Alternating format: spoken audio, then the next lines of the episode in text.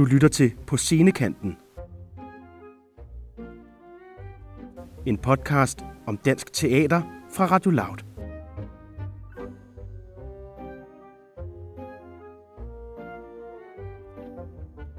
Din vært, Karen Dick.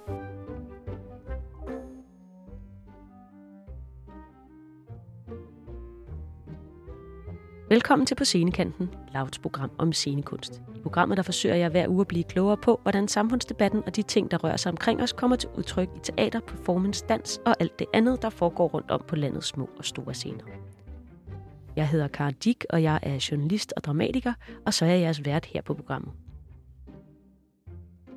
I dag taler jeg med instruktør Anne Sarko Søgaard om forestillingen Katalog over kommende katastrofer, som spiller på Teaterfor 302 i København.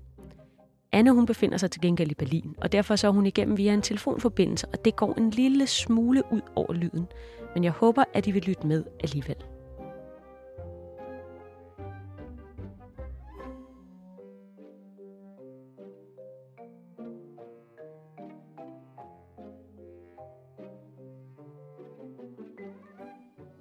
Og så skal jeg sige velkommen til Anne Sarko Søgaard på en telefon fra Berlin. Og øh, Anne, er katalog over kommende katastrofer aktivistisk teater? Jeg er jo glad for, at du siger aktivistisk teater. Jeg kendte ikke det. Det ved jeg sådan set ikke, om det er, men jeg vil sige, det er i hvert fald politisk teater. Det har jeg sådan tænkt meget over, om jeg skulle ture kalde det for politisk teater, og det øh, ved jeg, at det er det. Aktivistisk, hvis man bliver opmuntret til at blive aktivist, efter man har set det, jo, så er det måske også aktivistisk, men det er ikke noget, jeg har tænkt over, inden jeg skulle lave det. Hvordan er det politisk teater? Det er det i den forstand, at øh, vi jo baserer os på øh, en af det politiske teaters store øh, foregangsmænd, Bertolt Brecht, og så også fordi, at vi arbejder med nogle problemstillinger, som i hvert fald har noget at gøre med, hvordan en stat i tale sætter et bestemt emne, og hvordan det påvirker øh, menneskene, der bor i den stat. Og vi skal jo tale meget mere om teatrets politiske mulighedsrum, og vi skal tale om migration, og vi skal tale om, om sprog den næste lille times tid. Men først så skal vi jo lige have præsenteret dig, Anne. Så jeg har øh, taget nogle øh, spørgsmål til sådan en lille slags bog, blå bog, og øh, vi starter med det helt simple. Hvor gammel er du, og hvor kommer du fra? Jamen, øh, jeg er 42 år gammel, og jeg kommer fra Jylland. Jeg er vokset op i Skive i det midtjyske, midt vestjyske. Så egentlig ret langt fra, fra øh, steder, hvor man kunne se teater. Og hvordan kom du så alligevel ind i den øh, teaterverden?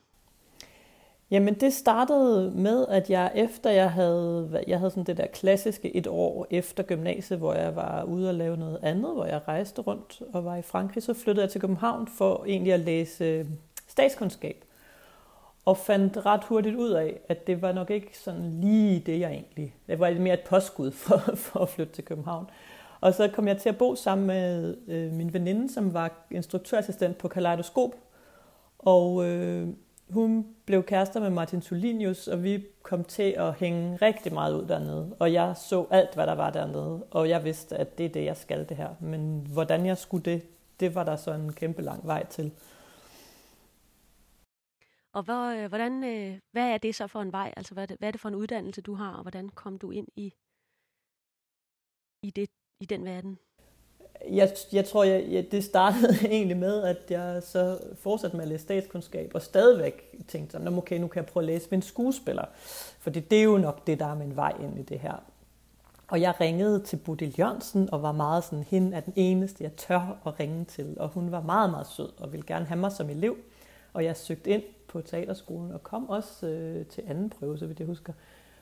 Men så fik jeg nedsmeltning, fordi så var jeg sådan, okay, en gang om året kan man i tre minutter vise sig for de her, det her panel af mennesker. Det, det, det, er min, det det, jeg ligesom startede lidt for sent til. Øhm, og så var der også sket det i mellemtiden, at min far han døde. Øh, han fik kræft og døde sådan ret pludseligt. Og efter den begivenhed, så var jeg sådan meget, meget på, at nu skal man, skulle jeg i hvert fald ikke i livet sidde med noget, hvor jeg ikke havde fuldt mit ønske og når jeg vidste, at det var det her, jeg ville, og jeg brændte for, så måtte jeg simpelthen lige prøve at gøre et lidt større effort for at få gjort noget ved det. Og så endte jeg med at søge ind på en skuespillerskole i Berlin, og kom også ind der. Og øh, så boede jeg i tre år i Berlin, og fandt ud af, at jeg nok ikke skulle være skuespiller, men jeg nok i stedet for skulle være instruktør. Og så flyttede jeg tilbage til København og satte mit første stykke op, som var på Krudtønden, hvor jeg satte tre søstre op med nogle andre, som også havde, var uddannet fra udlandske skoler, og nogen, der også søgte ind på skolerne og lavede det som min debutforestilling. Og så kom jeg ind. Og for de uh, uindvidede, så skal vi måske lige sige, at uh, Tre Søstre, det er Tjekov, så vidt jeg husker, ikke? Jo, det er Tjekov, lige præcis. Uh, nu sagde du, at du har læst statskundskab, og du har boet i Berlin. Hvad synes du selv, du er er rundet af som instruktør og som kunstner, og måske også som menneske? Øhm, jeg er nok i virkeligheden meget rundet af at være vokset op i provinsen, tror jeg.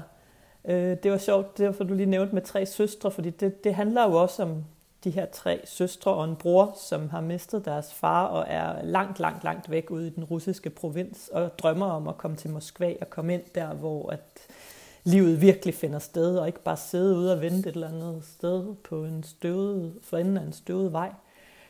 Øhm, og jeg tror, jeg følte meget, da jeg var barn, at jeg sad og ventede et sted for enden af en støvet vej. Altså, jeg, jeg vidste jo ikke så meget om, hvad der fandtes ellers, men jeg, jeg vidste lidt, fordi mine forældre holdt politikken, så jeg kunne jo se, at i, øh, i byen tillægget, der fandtes der ligesom en hel masse ting, som jeg i hvert fald ikke havde adgang til.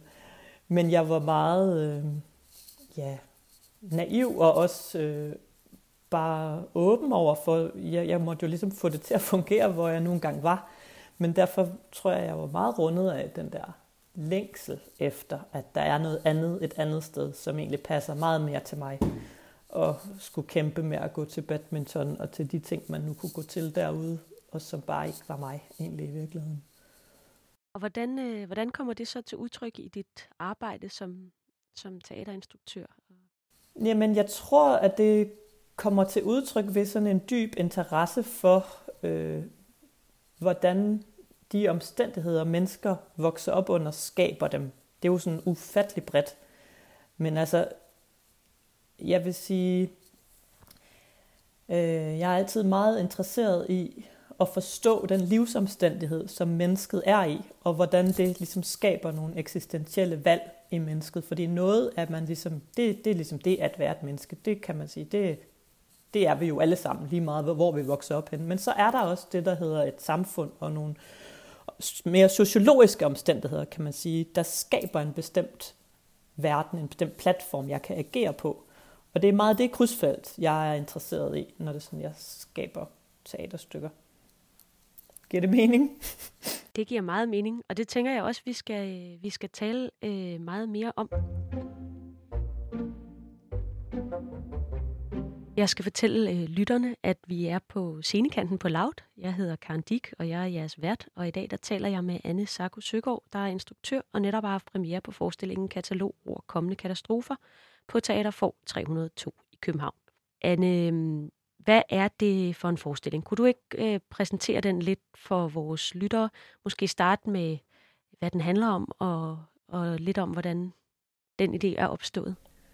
Jo, Altså, øhm, katalog over kommende katastrofer, det er et projekt, som egentlig i virkeligheden har, ja, er, er ret, øh, har været lang tid undervejs. Øhm, det er jo et katalog, altså det vil sige, det er en montage, en musikalsk montage, hvor vi laver nyskrevne scener. Det er fire dramatikere, der har skrevet ud fra et tekstoplæg, som Miriam Fransen og jeg, der, vi har lavet til dem, hvor de ligesom kunne tage inspiration i øh, Brechts stykke, Det tredje rigs frygt og elendighed, og så skrive nye scener, som ligesom tog udgangspunkt i Danmark i dag. Øh, så det handler egentlig om, hvordan de sidste fem år har hele tiden skærpet og polariseret et os og dem øh, i det danske samfund øh, i forhold til integration øh, og i forhold til os, der er hvide, og dem, der ikke er hvide. Og hvordan det ligesom, hvad, hvad gør det for de mellemmenneskelige relationer i det helt nære, og også på arbejdspladsen, og også på politisk niveau? Hvad, hvad er det? Hvad betyder det, at den her retorik er blevet strammere og strammere og strammere. Du siger, at øh, I har taget øh, udgangspunkt i den her øh, Brecht-forestilling, øh, og måske skal vi også lige øh, have styr på den for, øh, for de lyttere, der ikke øh, kan deres Brecht på, øh, på fingerspidserne. Hvad er det for en, øh, for en tekst, de har fået som oplæg? Altså det er en tekst, som øh, jo er, kan man sige, ikke bare én tekst. Det er 27 scener, som Brecht i samarbejde med blandt andet Margarete Steffin har skrevet i årene fra 1935 til 1938. Der er sågar fundet scener øh, i hans øh, arkiv, som er fra 43. Altså han er blevet ved med at skrive på det her stykke øh, i en lang årrække. Og øh, det er egentlig startet i Danmark, fordi at han jo kom i eksil øh, i Danmark i 35 og øh, begynder i Svendborg at skrive på det her stykke. Og øh, det, jeg vil prøve at sige den engelske titel på det, fordi det er um, The Everyday Life of Master Race. Altså det handler om hverdagslivet blandt de tyskere, som han jo så var flygtet fra, fordi han var som kommunist i fare øh, for at blive arresteret øh, dengang, at nationalsocialisterne de tog over i Tyskland. Men han ser ligesom øh, med dokumentariske briller øh, på arbejderklassen, mellemklassen og overklassen, hvordan deres liv øh, former sig ud, og hvilke moralske øh, dilemmaer øh, de kommer ud for. Øh, fordi han prøver på med det stykke at, at vise, at øh, selvom man hører til den såkaldte master race, så er øh, livet her bestemt ikke uden dybe udfordringer. Og det er, handler rigtig meget om afmagt, faktisk. og, og jo om hvordan man står med at skulle øh, indordne sig under det her diktaturs værdier. Men man også har en menneskelighed, der siger en, at jeg skal jo også, eller skal jeg det her? Altså det, det, der, det er sådan, ja, mange forskellige mennesker, lærerpar, et, nogen, der arbejder i en KZ-lejr, øh, en, der er lige blevet løsladt. Mange forskellige mennesker, man møder. Så det er sådan mønstringen af de her mennesker, som det stykke handler om. Nu er øh, Bertolt Brecht jo efterhånden en ældre herre. Altså, du siger selv, at han har skrevet på den her forestilling øh, fra altså i 30'erne og 40'erne. Øh, hvorfor, øh, hvorfor hiver man ham af stablen i 2020? Jamen altså, det tror jeg er fordi, at hans, øh, han er ligesom ved at få en renaissance, fornemmer jeg lidt. Øh, der er jo både Bertolt Brecht på det kongelige teater i år, og det er der så også her på det lille for 302, selvom at det jo ikke er Brecht, vi laver. Det er meget vigtigt for mig at sige. Det er jo et nyskrevet stykke, som er inspireret af det her stykke. Øhm, jeg tror, at det er aktuelt, fordi at han ligesom kan fortælle os om krigen. Altså krigen er meget essentiel i Brechts værk, både fordi at han jo selv øh, oplever både Første Verdenskrig og så også er i eksil under 2. verdenskrig. Og i dag, der er vi et sted i verden, hvor det føles som om, at krigen, den ikke er helt så langt væk, som den har været før. Det vi har set i USA det seneste år, er jo nogle tilstande, der er meget voldsomme i forhold til, at det har været det samfund, der har været det stabile, den store broren, der altid vil kunne komme, og så er det som om, at øh, når det kommer i borgerkrigslignende tilstand, så tænker man også, wow, okay, kan der lige pludselig, hvad kan der lige pludselig ske her? Og, øh, og så det her med, ja, også dem, det er, det er til stede i hans værk. Men altså, han er jo et kæmpe værk, så det er lidt, man skal snakke mere præcist måske, hvad det er for et stykke, man snakker om. Nu øh, sagde du, at han også er aktuel på det kongelige, og han er jo faktisk også aktuel ude på Østerbro Teater, hvor de spiller øh, den kaukasiske kritcirkel. Øhm, og øh, jeg talte med dem i sidste uge, det kan du selvfølgelig ikke vide, men en af de ting, øh, som øh, Anja Berens talte meget om i den forbindelse, det var øh, altså Brecht som sådan øh, moralist. Eller der, der, det er ret tydeligt, hvem der er de gode og de onde øh, i, hans, øh, i mange af hans øh, tekster. Øh, er det også en af de ting, du synes er, er attraktivt ved ham, og måske noget, som, som du også tager med ind i, i den forestilling, I så har lavet oven på Brecht, eller hvad skal man sige, eller i forlængelse af? Eller? Jeg vil give øh, Anja ret i, at netop det her med hans moralske, altså jeg har hele tiden talt meget om den moralske imperativ, som noget, der findes i et, i et menneske. Altså det at sige, okay, det her, det kan jeg ligesom ikke øh, komme ud over. Jeg, kan ikke, jeg, jeg skal handle her. Og det er noget, der i hans stykker er, er meget til stede. Altså, der er jo også et andet stykke, der, Det gode menneske fra Sessuan. Altså, det, det handler rigtig meget om, hvornår er det, at jeg som menneske ligesom øh, går over på den side, hvor jeg ligesom snyder andre, eller hvornår jeg udnytter min fordel til at udnytte andre, eller hvornår er det, jeg prøver at sige, det, nu skal jeg prøve at, at gøre det ud fra min egen moral, som, som også er sindssygt svært. Så han, han er god til at ligesom, øh, lave et panorama for os, der kan forstå det her, så vi bedre kan forstå det, hvor det ligger inde i os selv. Øh, og nu nævnte du jo, at forestillingen altså, handler om, om migration og, om, og måske også om det sproglige, altså den sproglige afstand mellem dem og os, eller den afstand, vi kreerer i, i og med sproget, når vi taler om, om integration og migration og flygtninge og indvandrere og hvad vi nu ellers øh, har af, af måder at benævne folk, der øh, øh, rejser fra et land til et andet på. Øhm, men hvad, øh, hvordan, hvordan spiller jeres øh, forestilling ind i den samtale, kan man sige? Jamen altså, jeg tror, jeg vil sige, egentlig så handler det ikke så meget om migration. Altså det handler egentlig langt mere om øh, at lave den mønstring af de her forskellige situationer, af de her nære relationer eller arbejdspladsrelationer. Øh, øh, det, så på den måde, så kommer vi ligesom på besøg hos en lokal politiker, der har en assistent med anden etnisk baggrund, og som hun, hvad kan man sige, man ser ligesom hende i et, på et tidspunkt, hvor hun er starter med at være fortaler for en sag, hvor hun vil have, at en måske skal øh, flytte til andre lokaler og kunne udvide, og så kommer hun ud for sådan en shitstorm, fordi at der er så voldsom modstand i den by, øh, hvor det foregår. Og så kommer hun ind og ligesom battle med sin assistent om, på, hvor hun virkelig bliver, bliver stillet, altså hvor hendes egen moral og holdbarhed, hvor lang tid er den egentlig holdbar, hvis nu der kommer et bagland, der siger, men det tør vi ikke at stå inden for alligevel det her, nu må du altså lige stemme anderledes, fordi vi er for bange for, hvis for mange stemmer på det. Hvor er man så henne? Er man så der, hvor man siger, det er rigtigt, jeg trækker lige en ny mening op af en hat, eller siger jeg, men jeg, jeg, jeg, jeg, jeg vil faktisk stå ved den her holdning, fordi det var en kerneværdi for mig som politiker. Og på den måde, det er et eksempel på, at vi ligesom mønstrer de her to mennesker i den her situation. Øh, og det gør vi ligesom i de her ni scener på forskellige måder. Øh, vi er også for eksempel i en frokoststue på et bibliotek, hvor det også er tre kollegaer, der sidder før valget øh, i 2019, øh, hvor de ligesom ikke ved, hvad vil der komme til at ske nu her.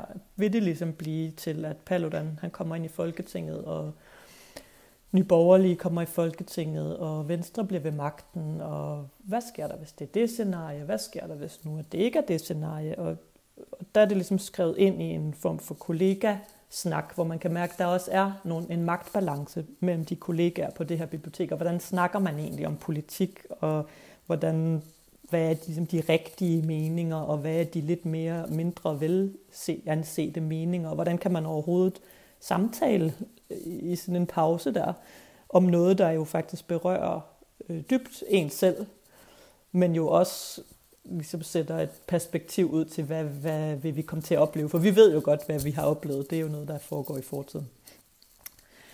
Så vi tager ligesom ja, nogle nedslag, og også tidsmæssigt, altså sådan, at det ligesom går fra 2015, og så prøver vi jo også at lave noget, om der handler om fremtiden, så det går frem til 2024. Øhm, du sagde øh, øh, indledningsvis, da jeg spurgte af, hvad du ligesom var rundet af, at der var det her med sådan at være opvokset i provinsen og sådan en interesse for, for de mennesker, der er i historien. Og, og det her er vel også et, øh, et bud på, eller et, eller et forsøg på, ligesom at, at putte nogle konkrete øh, situationer og nogle, øh, hvad skal vi sige, helt almindelige menneskers øh, fortælling på, på noget, som tit kan være en, en ret øh, øh, hvad skal jeg sige, sådan, øh, fluffy øh, debat om, øh, hvad det betyder, når vi taler på en måde, og hvordan vi navigerer i det.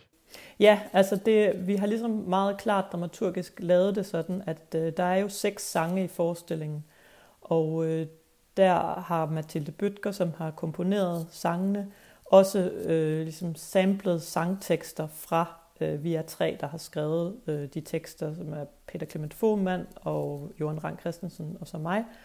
Og vi har, der har hun ligesom lavet en form for altså melodier, som også har de her ord i sig.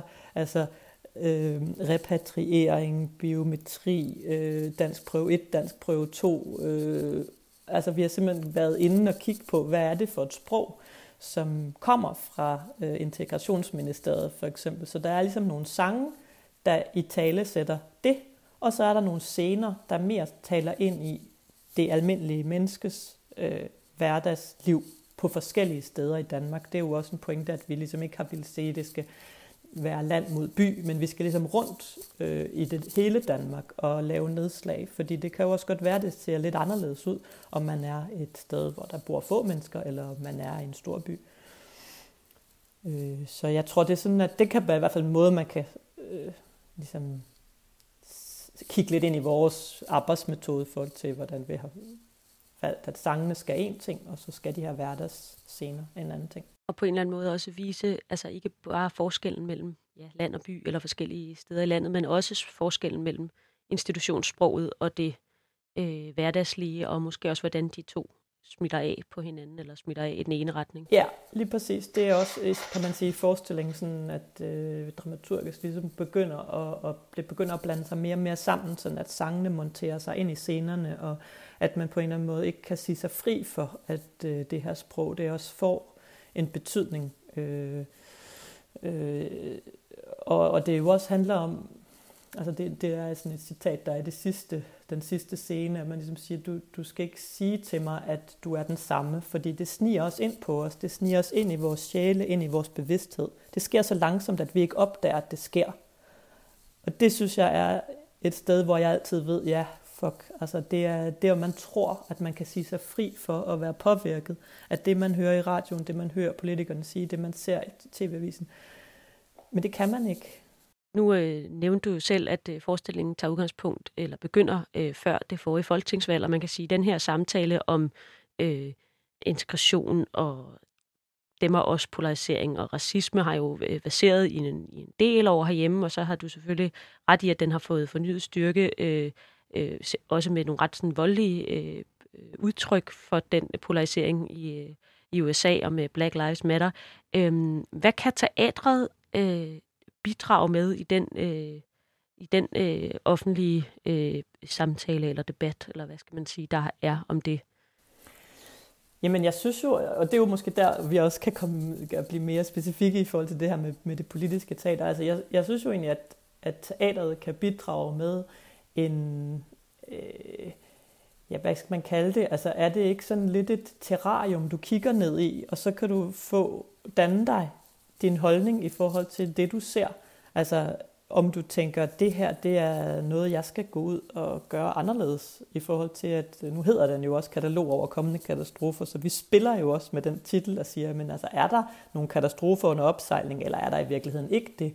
Så jeg, jeg synes jo, det er sådan en måde at ligesom få renset de egne moralske vandrør på, at der er måske noget kalk her, som man ikke rigtig ved, hvordan forholder man sig egentlig til.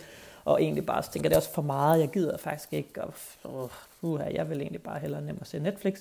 Men når man har været inde og se det her, så tror jeg, at der er noget kalk, der springer af de der vandrør, og så tænker man, åh oh, ja, shit, næste gang jeg oplever det her, det kunne godt være, at jeg skulle lige sige, hov, jeg synes ikke, det er i orden.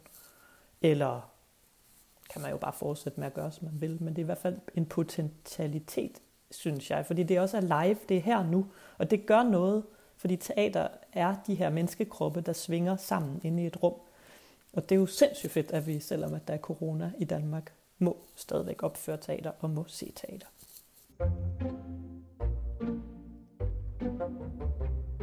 Du lytter til på scenekanten på Loud. Jeg hedder Karen Dick, og jeg er jeres vært, og i dag der taler jeg med instruktør Anne Sako Søgaard om forestillingen Katalog over kommende katastrofer, der spiller på Teater Få 302 i København. Og du nævnte tidligere, Anne, at det jo er en såkaldt øh, musikalsk øh, montage, og, øh, og musikken er skrevet af, af Mathilde Bøtger, og øh, I har øh, blandt andet et øh, drengekor til at indspille noget af det.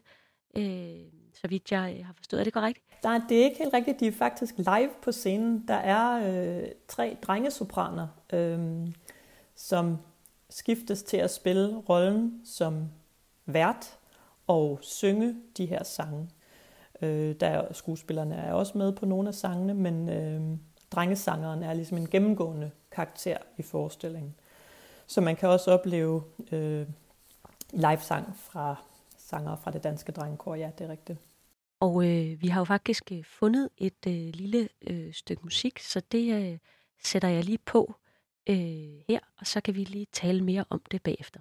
I disse tider er håbet auf og vi trækker vejret tom.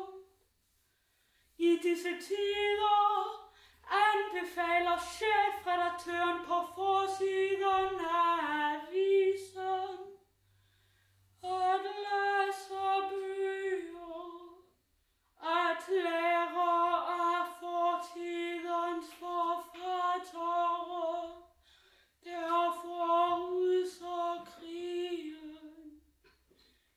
disse tider er håbet ude, og vi trækker vejret tomt. I disse tider tænker vi på en måde, når vi er sammen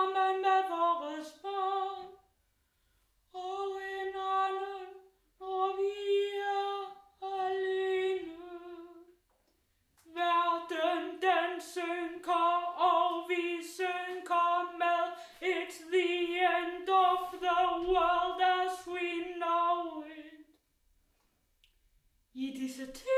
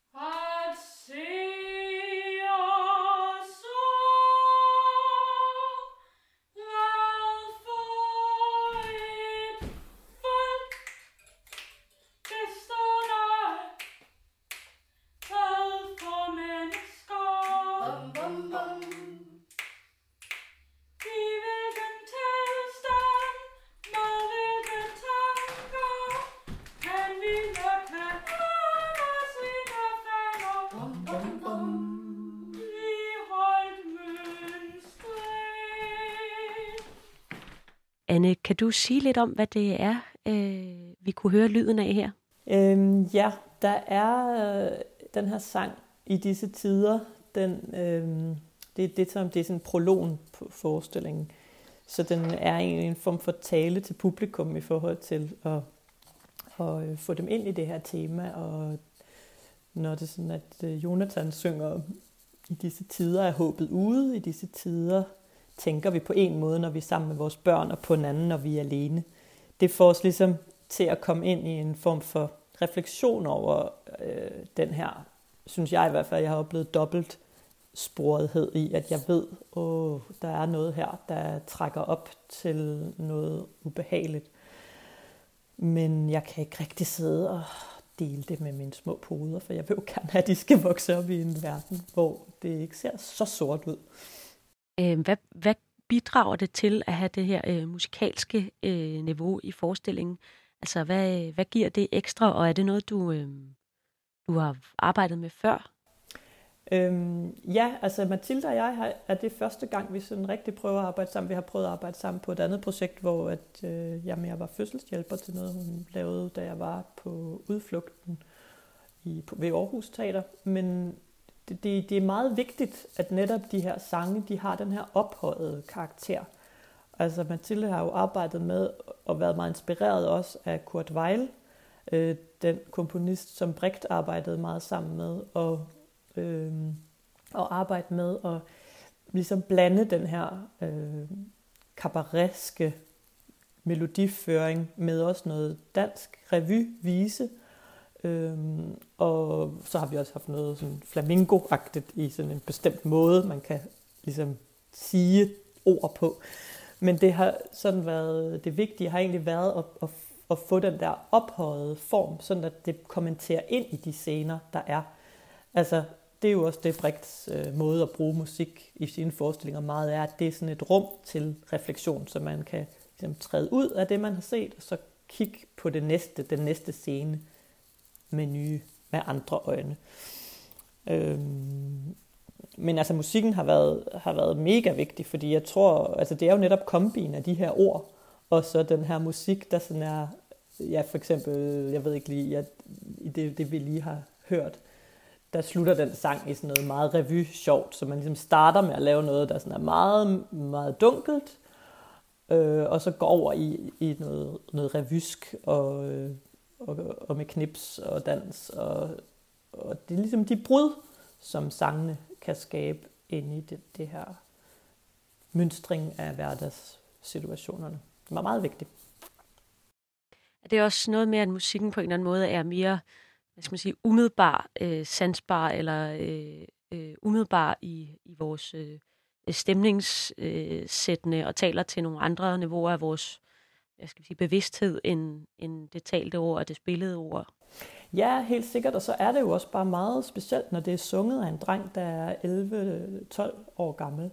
Fordi det er jo også, øh, var det jo også meget vigtigt for os, at, at drengesopranen ligesom også repræsenterer, kan man sige, øh, fremtiden på en måde. Altså at når han er voksen, så er det, så er det den fremtid, som vi lige nu skaber grobunden for.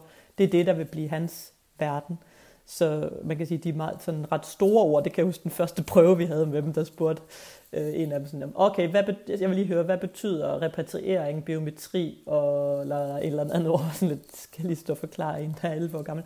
Altså, at de har ligesom skulle tage den her opgave på sig og lære noget ret svær musik, og også lære nogle ret svære voksenord, men netop i forhold til at formidle, hvad det er for nogle lovmæssigheder, eller hvad man skal sige, der går ind og påvirker den verden, de jo skal leve i.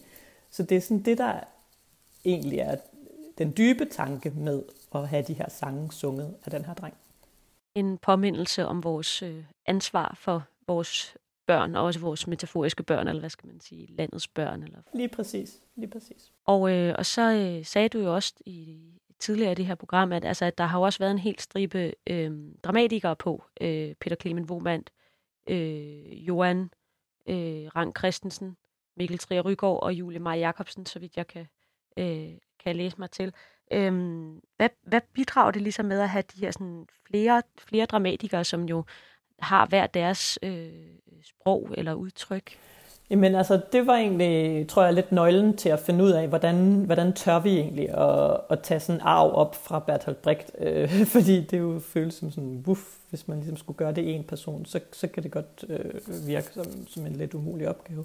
Men når vi ligesom sagde, at vi ville gerne dele det ud på fire forskellige, og også som havde forskellige baggrunde, altså at øh, en bor i Jylland, øh, en har en baggrund, hvor hun øh, kommer fra, altså jorden kommer fra Sjælland, men har jo øh, også rødder i Korea, og har, kan man sige, egentlig storbyen som sit skrivested, det der hun bor i København nu, ikke? Og så har Peter Clement øh, Fodman, han er flyttet til Møn, øh, og har ligesom havde den, den provins som sit øh, område.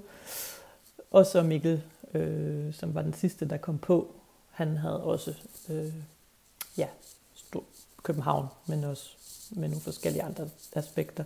Altså jeg tror, det vigtige for os var egentlig at, at sige, at, at det her polyfonisk tekstudvikling, det kunne ligesom skabe det spænd imellem både genre og også øh, altså impact i forhold til, hvad, hvad, hvad siger det dig, når vi siger det her tema, så siger det noget forskelligt. Og det klæder ligesom det at skabe et katalog, at man ikke har én stemme, der ligesom omskriver sig på ny, på ny, på ny i 10 forskellige scener. For det var også meningen, vi ville gerne have, at der skulle være egentlig for meget materiale, ligesom der også er i Brechts eget katalog, så skulle man vælge dem ud, som var dem, vi ville bruge. Så i, hvis nu nogen andre skulle få lyst til at sætte det her op, så kunne man sætte det op med en anden rækkefølge, og man kunne også skrive en ny scene til om to år, hvis det sådan er, at der er kommet noget nyt, som er endnu mere, der passer endnu bedre. Så ligesom prøve at blive lidt i den her katalog det synes jeg passer rigtig godt sammen med at have fire øh, dramatikere på i stedet for en. Men det lyder også som en tekst, som er meget sådan organisk og dynamisk. Øh, hvad betyder det så for arbejdet som instruktør, når man pludselig har, som du selv siger, alt for meget tekst, og tekst, som må man sige, stikker i mange øh, retninger, og som hele tiden er til forhandling?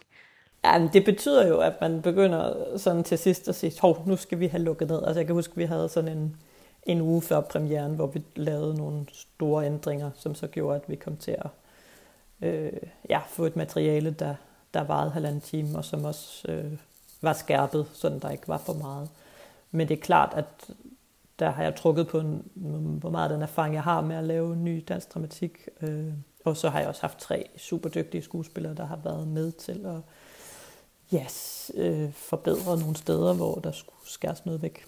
Jeg tænker, det lyder som om, at de på et tidspunkt godt kunne have været op over øh, altså de der, øh, det nærmeste øh, musical eller øh, øh, Wagner opera længde, altså med, med flere timers øh, tekstmasse. Øh, altså hvad, øh, hvilke spørgsmål stiller man sig selv i forhold til de valg, man tager om, og det er den her scene, vi synes øh, er vigtigst, og den her øh, kommer så til at øh, lade livet, for at vi kan holde det på øh, halvanden time øh, uden pause, mens at, øh, inden at folk de falder i søvn på stolrækkerne eller skal tisse.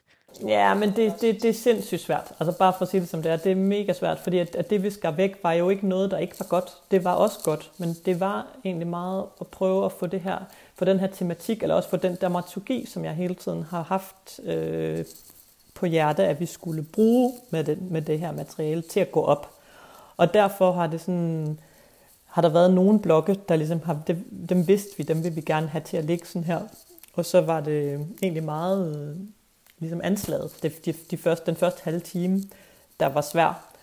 Og der vil jeg også sige, at der, der er jo også lidt noget aktualitet nogle gange, der spiller ind. Altså, vi havde for eksempel en tekst, som vi, da vi var på workshop med den, der kunne vi mærke, okay, den skal være med, men den skal ligesom flankeres af en anden tekst. Og den tekst endte vi faktisk med sig selv at skabe på baggrund af interviews.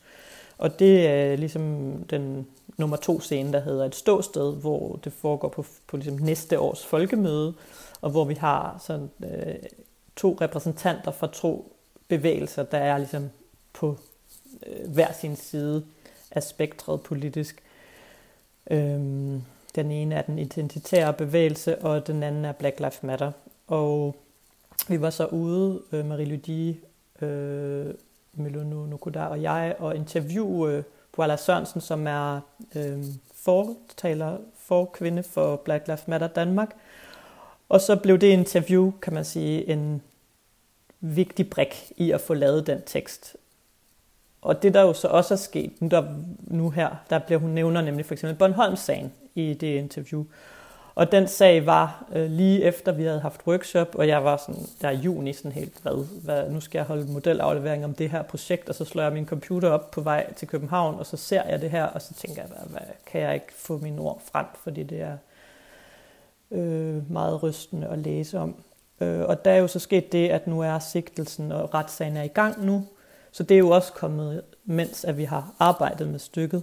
Så det har jo også skærpet, kan man sige, vigtigheden af egentlig at have den tekst med, øh, fordi at det vi havde frygtet vi ske, jo er sket, at øh, de ikke er sigtet for hate crime, de to brødre, øh, men kun for manddrab. Og det, og det, det er, ja, det taler ind i den her problematik, som stykket også handler om.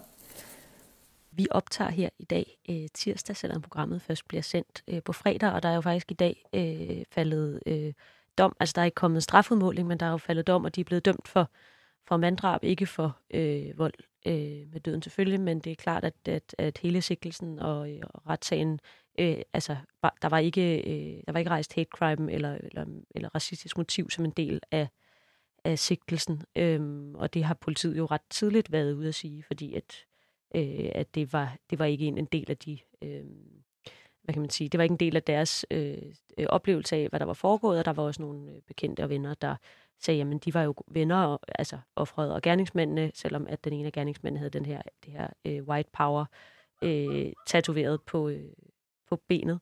Øhm, og, øh, og det har i hvert fald også været en debat, der har kørt. Altså i går i Deadline var der et længere indslag om, øh, om racistisk motiveret vold, og spørgsmålet er også, hvordan, om man kan skille de to ting ad. Altså om, om, øh, om man kan skære det racistiske motiv ud, bare fordi de kender hinanden. Jeg tænker, at det vil være svært at skære et øh, misogynt øh, øh, motiv ud af en mand, der slår sin kone ihjel. Og så vil man jo ikke sige, at han har jo været gift med en kvinde, så derfor øh, var han ikke kvindeheder eller noget i den dur. Ja, der, der er i hvert fald nogle ting der, som øh, der jo også er til debat. Vi har i morgen har vi øh, Maria Ventegodt, som er inden for Institut for Menneskerettigheder, der har forsket det her til at, at have en samtale med Johan Rang og Miriam Fransen inden forestillingen, fordi vi netop jo synes, at, at lige præcis det tema der, det taler ligesom ind i også noget helt konkret. Hvad kan man faktisk øh, gøre anderledes og have en anden retspraksis med, fordi at det måske er mere tidsvarende. Og, og jeg synes, det, det er jo det, noget af det sørgeligste. Altså, der var jo også en demonstration her øh, i søndags, netop i forhold til det til den sag. Øh, og der synes jeg i hvert fald, at, at, at den karakter, som vi har fået skabt, der, der ligesom taler i stykket, den, er, den taler ligesom ind i noget meget aktuelt, og hvor jeg kan, hvor jeg kan sige, at der er det politiske i hvert fald det sidder til stede. Det kan man også mærke i måden, det bliver modtaget på, når man, man, man hører, øh, at man mærker stemningen blandt publikum. At, ja, det er bare ikke godt nok.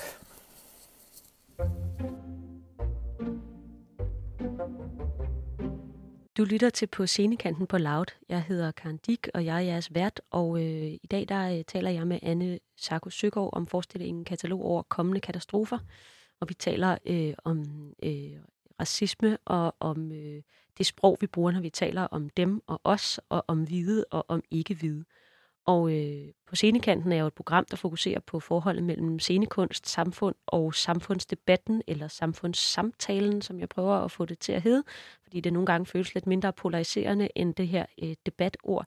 Øhm, og du har jo allerede været en del inde på det, Anne, allerede, og talt om dit engagement i i det politiske teater, og at øh, det er vigtigt for dig. Øh, men jeg vil jo gerne spørge, om du synes, at teatret har en særlig forpligtelse over for den her samfundssamtale eller samfundsdebat? Ja, der vil jeg nok lidt vende tilbage til, øh, hvorfor at jeg egentlig begyndte at arbejde med teater. For jeg tror, hvis jeg ikke, havde, hvis jeg ikke var taget til Berlin og øh, havde set øh, teater inde på Folksbyene øh, tilbage i 2002 og startede på den der skuespillerskole dernede, så tror jeg ikke, at, at jeg havde arbejdet med teater i dag. Fordi det var ligesom om, at jeg kunne se, at det der, den måde, de arbejder der, det er det, som ligesom, øh, det er den synergi, jeg leder efter. Fordi jeg var egentlig meget opslugt, da jeg læste statskundskab, og var meget opslugt af, hvordan jeg kunne arbejde med øh, analysere magtrelationer, analysere en hel masse omkring politiske temaer, men jeg var bare ikke interesseret i den form. Og derfor var det, at, at da jeg så fandt det teater, som ligesom kunne rumme den øh, interesse, jeg havde der, så var det ligesom det, der blev det, jeg skulle. Øhm, og ja, om de har en særlig forpligtelse, altså det vil jeg sige, det, det vil jeg virkelig ikke gøre mig til dommer over. Jeg tror, der er forskellige traditioner. Altså i Danmark har vi en tradition, der er langt mere, bas, der langt mere trækker på det psykologiske teater og mere på her i Tyskland, der kalder man det jo psykologerne, når man siger Ibsen og Strindberg, øh, og det er ligesom i modsætning til Brecht, der ligesom er det mere politiske. Og øh, jeg tror, altså nu har jeg ikke prøvet endnu at lave, øh, jo, jeg har prøvet på skolen at lave noget Strindberg, men altså, jeg, jeg, jeg tror bare, at, at, at det der med, at jeg her oplevede, at teater, det er en, det er en livsvigtig kanal til at at, at kunne trække vejret, fordi det var det jo, øh, når du kom ind og så dengang, det var Murks, den Europæer, der handlede om, det var Martaler, der havde lavet et stykke, der også handlede om det tidligere DDR. Altså når man kunne sidde i den teatersal og mærke, hvordan det her, det var ligesom noget, der gjorde, at man kunne gå udenfor igen og trække vejret og leve, så var det jo en meget, meget, meget vigtigere impact på publikum, end det jeg oplevede. Det danske publikum gik ind og så øh, Lars Norén, så tog de også og var helt med og det hele, men gik hjem og havde haft en god aften. Altså, jeg, jeg var bare dybt fascineret af, at det her, det kan, det kan noget mere end det. Altså, det kan faktisk øh, handle om, hvem der må tale, og hvordan man må tale, og øh, det er selvfølgelig historisk betinget af det her, den her by. Det er klart, fordi den har en anden historie end København eller Aarhus eller har, men altså, det er jo stadigvæk det samme, at vi kan bruge det, hvis vi ligesom formår at få skabt den, det her rum. Det er dermed ikke sagt, at alt teater skal være sådan. Jeg synes, der er plads til alle typer, alle genrer, alle afskygninger, men jeg synes måske, at når det alligevel er noget, der også har noget med øh, altså, staten investerer jo også ind i det her rum, og giver penge til, at vi kan, vi kan opleve teater. Så synes jeg nogle gange, man skal have måske en lidt, være lidt mere kritisk. Altså, så skal man virkelig lave noget andet, end det man også kan konsumere på tv eller på film. At der simpelthen med, med øh, de offentlige støttekroner også følger øh, øh, muligheden og dermed også forpligtelsen til at, øh, at lave noget, som, øh, som ikke bare vil sælge billetter, eller hvad skal man sige? Ja, tag nu lidt mere fat. Altså, come on. Altså, det, det er faktisk det er faktisk sjovt, fordi at den første anmeldelse, vi fik af det her, så var I skrev sådan, hvor er det befriende, at nogen tør sige noget. Det er sgu da scary, at folk, hvorfor skulle man ikke turde sige noget? Altså, øh, øh, jeg oplever da, at det er en meget, meget vigtig kanal, at kunsten tør sige noget. Og det synes jeg måske billedkunsten i den grad godt tør. Men jeg ved ikke helt, altså det er som om, at teateret, der er der nogle fløjlshandsker og noget meget stor angst for, at det er sikkert for et eller andet. Og det er sikkert også en, altså det tror jeg, det var du inde på før, altså der er, også en, der er selvfølgelig også en forskel i tradition, at der er noget med den, med den danske teatertradition og det danske teater, som altså opstod for, og det kongelige teater er jo sat i verden for at underholde kongen oprindeligt. Eller altså der er jo nogle, hvad kan man sige, historiske præmisser, der gør, at det, at det er på den måde.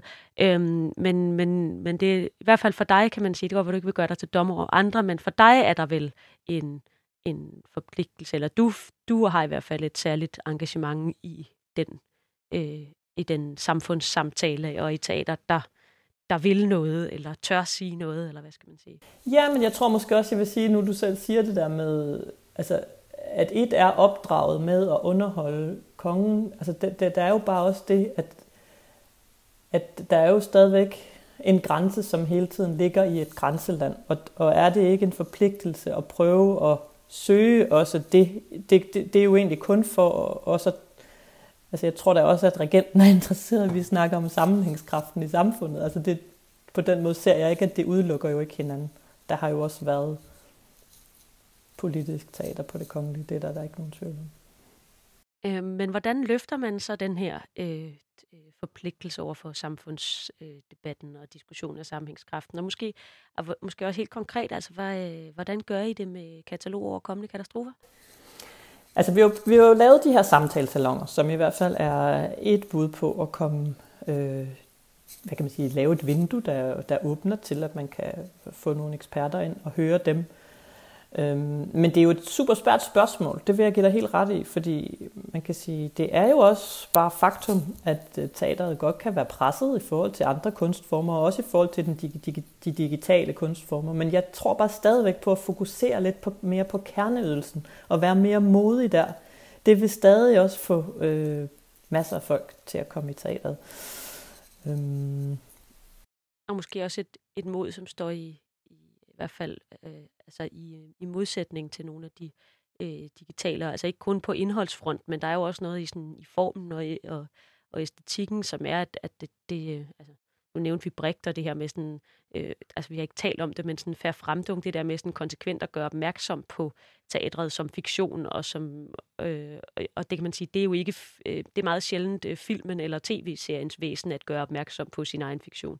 Ja, lige præcis. Altså det synes jeg, det er jo i hvert fald virkelig et, øh, det er et stærkt aktiv. Og hvis man dyrker det noget mere, så kan man jo både man kan sige, gøre sig selv endnu mere anderledes.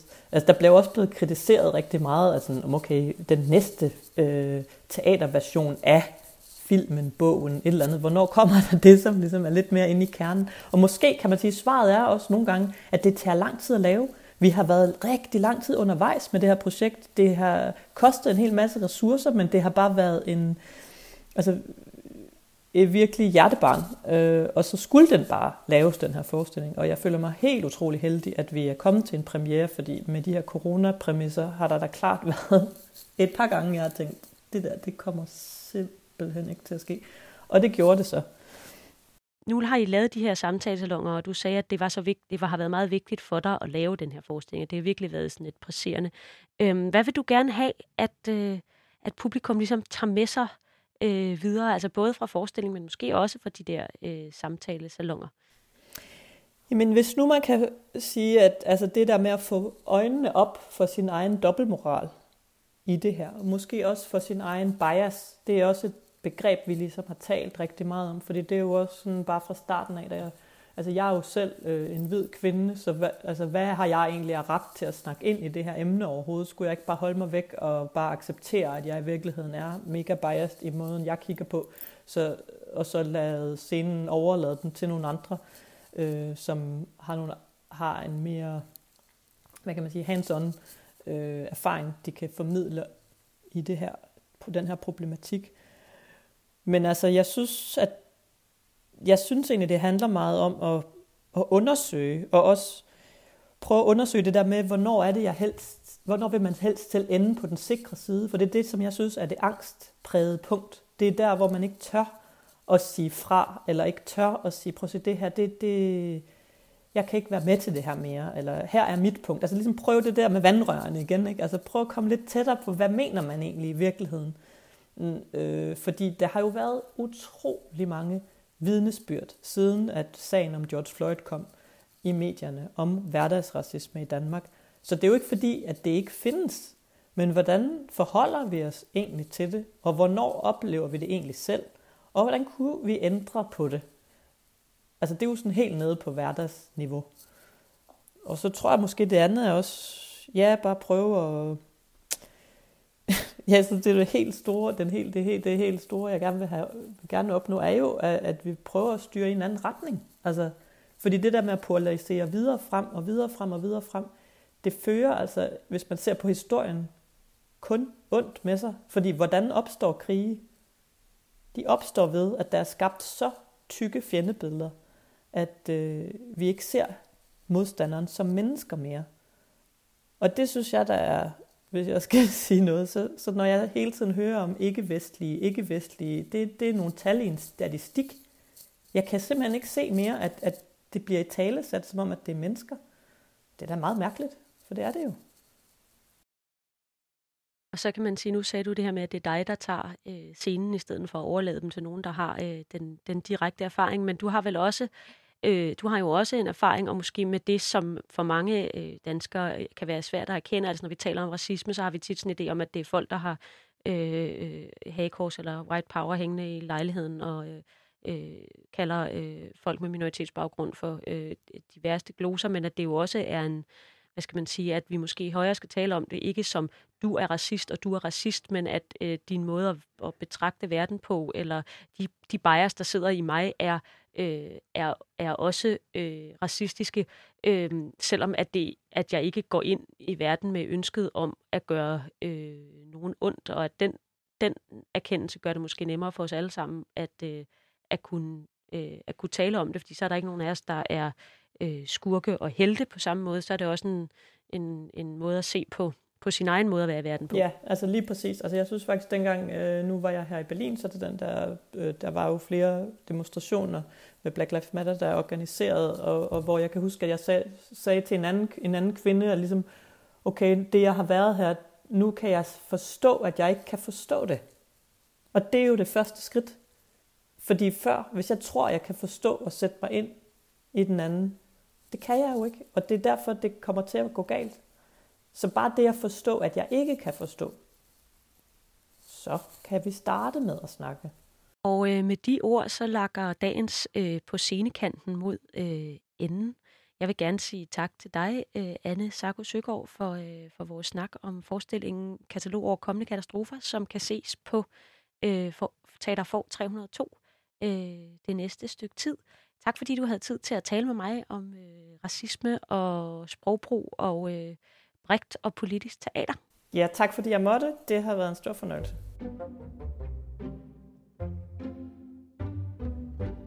Det her var det 10. og sidste afsnit i sæson 2 af På Scenekanten. Jeg hedder Karen Dick, og jeg vil gerne sige tak, fordi I har lyttet med.